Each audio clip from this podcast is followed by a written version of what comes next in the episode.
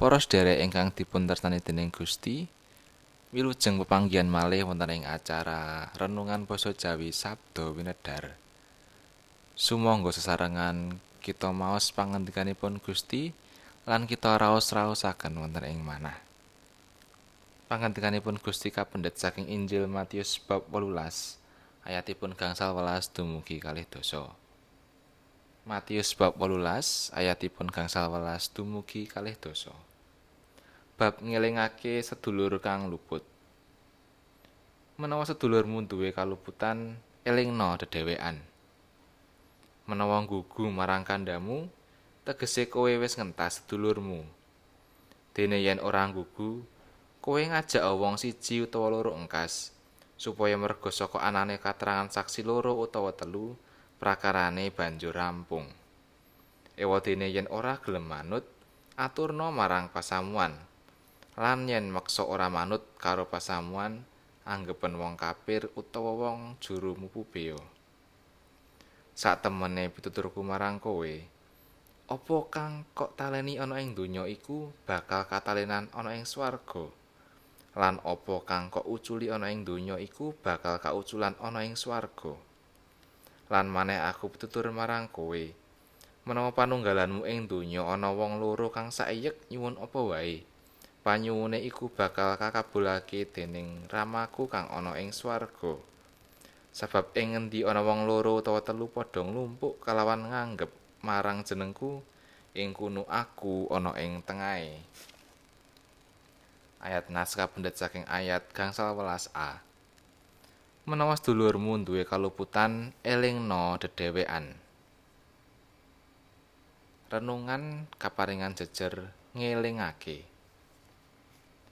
tresno mangru. Dheweke ngerti yen ana kancane nyambut gawe sing nilep dhuwit kantor. Menawa dilapurake wong kuwi kancane. Dene menawa ora dilapurake kang katendakake dheweke iku uga gawe tunane kantor lan kanca-kanca liyane. Nalika nyritakake bab iku, Toyo kanca kenthele iku mrayogakake supaya Tresna tetep ngelingake kancane iku. Sepisan amarga sing ditindakake iku luput.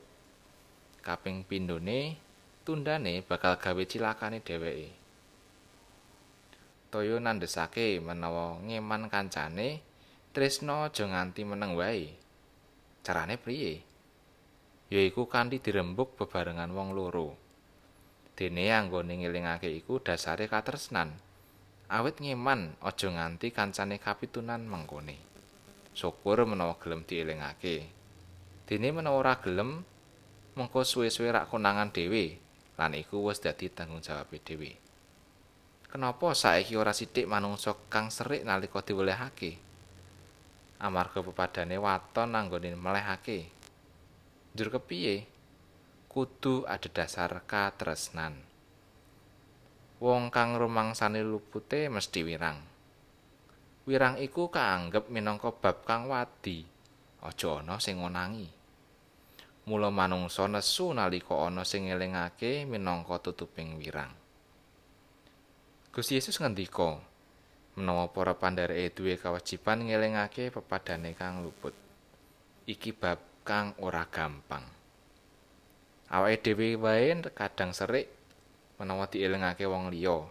Sanadyan ngrumangsani yen pancen luput mula Gusti Yesus memulang supaya nalika ngelingake pepadane kudu ditindakake dedewean tanpa ana wong liya kang ngerti.